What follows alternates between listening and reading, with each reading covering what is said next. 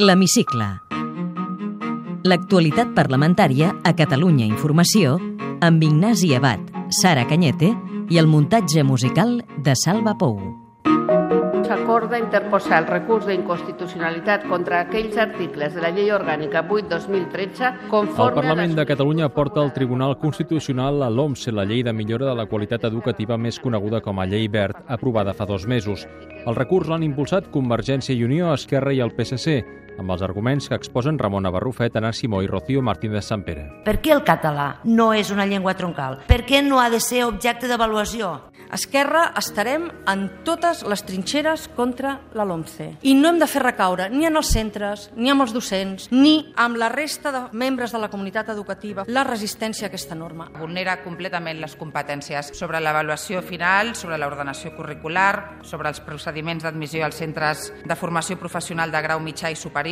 PP i Ciutadans van votar contra el recurs. Sentim Juan Milián i Carlos Carrizosa. Tenir el castellà, a més del català, com a llengua vehicular és un dret. I el que la LOMCE pretén evitar és que els pares hagin d'acudir a la justícia per a fer efectius els seus drets i els dels seus fills. Ustedes no han dictado ninguna normativa que establezca ese porcentaje. Y entonces, ¿qué está pasando? Que ahora han provocado una reacción del Estado que a nosotros nos parece que ciertamente también es errónea. A més del recurs contra la LOMCE, el Parlament n'ha aprovat un altre contra la llei d'unitat de mercat Proposat per Esquerra. i aprovat per tots els grups excepte el PP i Ciutadans. Escoltem el republicà Oriol Amorós i el popular Santi Rodríguez. És una llei que convé a la llotja del Bernabéu perquè centralitza poder en el senyor Montoro i centralitza poder en les grans empreses que amb els seus gabinets jurídics podran operar dins d'aquesta complexitat. El que els hi produeix urticària és la paraula unió. I no em refereixo a unió democràtica, que segurament alguns de vostès també, sinó que em refereixo a altres aspectes d'unió, com per exemple Espanya. Votem ara la lletra B del punt 1. Comença la votació. Ha estat aprovat per 91 vots a favor, 17 en contra i 18 abstencions. Sorpresa a l'hemicicle dijous en la votació del dictamen sobre el compte general de la Generalitat del 2011. El portaveu del PP, Enric Millo, es va confondre en la indicació del sentit del vot i la meitat de la bancada popular, nou diputats, va acabar donant suport per error a la consulta d'autodeterminació. Aquesta equivocació va permetre superar una majoria qualificada de dos terços, ja que el PSC es va abstenir en bloc inclòs els tres diputats crítics. El debat sobre la liquidació dels comptes del 2011 de la republicana Alba Vergés va ser l'única diputada que va defensar la consulta. Cosa que va denunciar José Antonio Coto del PP. Hem de decidir nosaltres des d'aquí l'organització política que volem. En quin món viuen, senyors d'Esquerra Republicana i Convergència i Unió? Creuen que és normal que estem discutint el compte general de la Generalitat de Catalunya de l'any 2011, com es gasten els diners, i vostès es dediquen a parlar del seu monotema separatista? Sobre el pla B d'Artur Mas, si no es pot celebrar la consulta, les anomenades eleccions plebiscitàries, el president va anunciar dimecres que abordarà la convocatòria dels comicis amb els partits que van pactar la data i la pregunta. Així li deia a Albert Rivera de Ciutadans a la sessió de control. Si no hi ha referèndum separatista i es suspèn la llei de consultes a Catalunya, vostè convocarà eleccions autonòmiques anticipades, sí o no? Mentre es mantingui l'acord ampli que tenim en aquest Parlament pel procés de la consulta, jo, abans de decidir la convocatòria d'eleccions, parlaré amb tots els partits que estan donant suport en aquesta consulta. I puc no fer-ho, però ho faré d'aquesta manera, perquè precisament el consens ha de tenir valor amb tot i per tot. La sessió de control es feia ressò també del debat de política general al Congrés. Mas rebutjava el no de Rajoy a la consulta i es mostrava obert al diàleg sempre que el president espanyol escolti el poble de Catalunya. Escoltem la líder del PP català, Alicia Sánchez Camacho, i Artur Mas. Dialogar, no un monòleg i un contracte d'adhesió, no un diàleg unilateral, que és el que vostè vol, el diàleg de la imposició. Si les institucions catalanes hem d'escoltar a les institucions de l'Estat i ho hem de fer, potser que les institucions estatals i el president del govern espanyol escoltin el poble de Catalunya. O és que només hem d'escoltar nosaltres i ells no han d'escoltar res?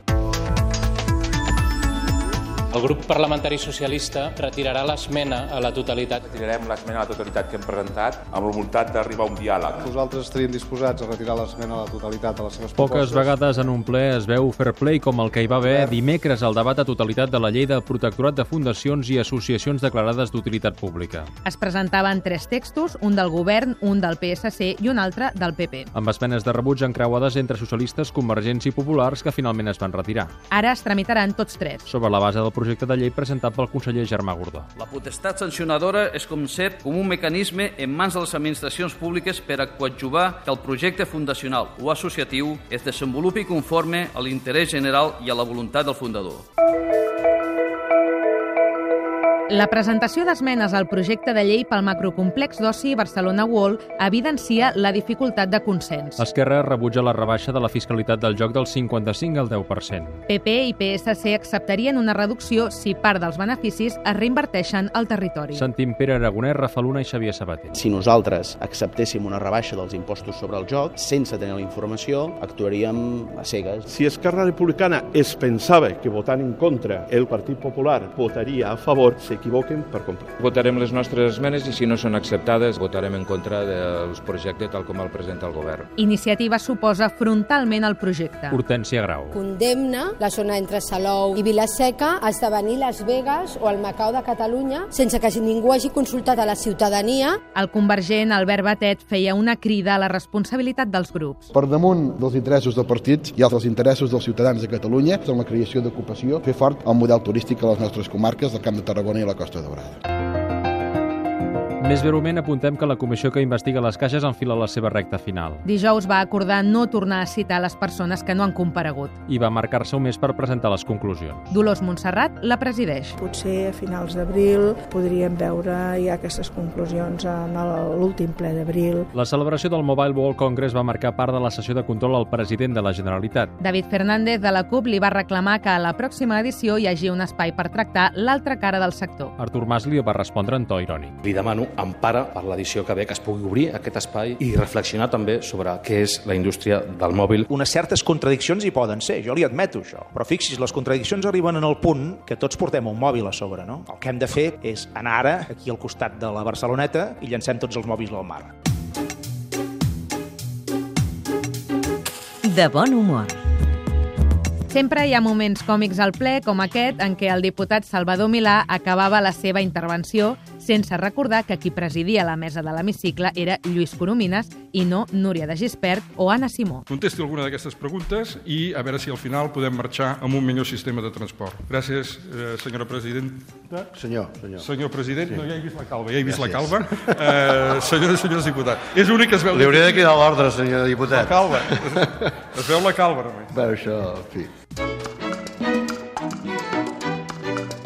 Té la paraula Isabel Vallet, sóc diputada de la CUP Alternativa d'Esquerres al Parlament de Catalunya. en una frase. Senyora Isabel Vallet, vol que Catalunya esdevingui un estat? Jo vull que els països catalans siguin independents. Què passa si la convocatòria de consulta és impugnada? S'ha de desobeir la impugnació i s'ha de celebrar el referèndum sí o sí. Preveu eleccions anticipades? Malauradament, sí. Quan? Podria ser usat el 9 de novembre, cosa que ens semblaria un frau. Quina injustícia l'enerva més a Catalunya? La pobresa. Percep símptomes de recuperació econòmica? No, a més, crec que el discurs de la recuperació econòmica dins del capitalisme és un discurs fals, crec que és hipocresia, Quan creu que sortirem de la crisi? quan sortim del capitalisme. Ha estat mai a la cua de l'atur? Sí, Els seus ingressos han pujat, baixat o s'han mantingut en els últims 5 anys? Com a diputada cobro 1.400 euros. Respecte als 5 anys anteriors he perdut diners, òbviament, Però el sou de diputat és més alt. si és més alt, però nosaltres, els diputats i diputada de la CUP, tenim una limitació de sou de 1.400 euros al mes. Això vol dir que la resta de recursos volem que reverteixin en el moviment popular. Ha canviat de cotxe recentment? No tinc cotxe, ni carnet de conduir. Ha cobrat o pagat mai en negre? No, Posaria l'am al foc que el seu partit o la seva formació eh, ningú ha comès mai cap irregularitat? els companyes i companys que exerceixen com a càrrecs electes posaria la mà al foc perquè no han comès cap irregularitat. Quins estudis té? Llicenciada en Dret per la Universitat Jaume I, tinc un màster en Dret Penal, tinc un màster en Gestió i Administració Pública i sóc DEA, que és Diploma d'Estudis Avançats en Dret Penal. De què ha treballat abans de fer de diputada? De cambrera molts anys, quan estava estudiant, he treballat com a acomodadora en el Mercat de les Flors, venent entrades en el Museu de les Ciències, en un menjador escolar, en un despatx d'advocats i després com a interina en el Servei d'Ocupació de Catalunya els últims nou anys. Quin art l'apassiona més? el cinema. Pel·lícula predilecta. L'Ain, l'Odio, Segueix alguna sèrie de televisió en particular? Game of Thrones, Peix o carn? peix, Algun plat preferit? el sushi i la paella, per igual. En quins pobles o ciutats ha viscut al llarg de la seva vida? Al meu poble, que és Benicull del Xúquer, Ribera Baixa, he viscut a Castelló de la Plana i he viscut a Barcelona. Amb quin sex símbol compartiria una estona? Compartiria una conversa amb molts personatges històrics, Per exemple, amb Lenin. es considera fan de... He dit un, de març, me'n considero fan. Joan Fuster, Enric Valor m'agrada, Estelles m'encanta, Joan Brossa també m'agrada, Una mania confessable. mossegar-me les ungles. Quan acaba un ple del Parlament, com desconnecta quan torna cap a casa? Depèn els nivells de cansament, doncs miro una pel·lícula o alguna sèrie i depèn dies, doncs me'n vaig directament a dormir perquè no estic esgotada. Senyora Isabel Malla, moltes gràcies. Gràcies. Podeu tornar a escoltar aquest programa i recuperar els anteriors a catradio.cat barra hemicicle.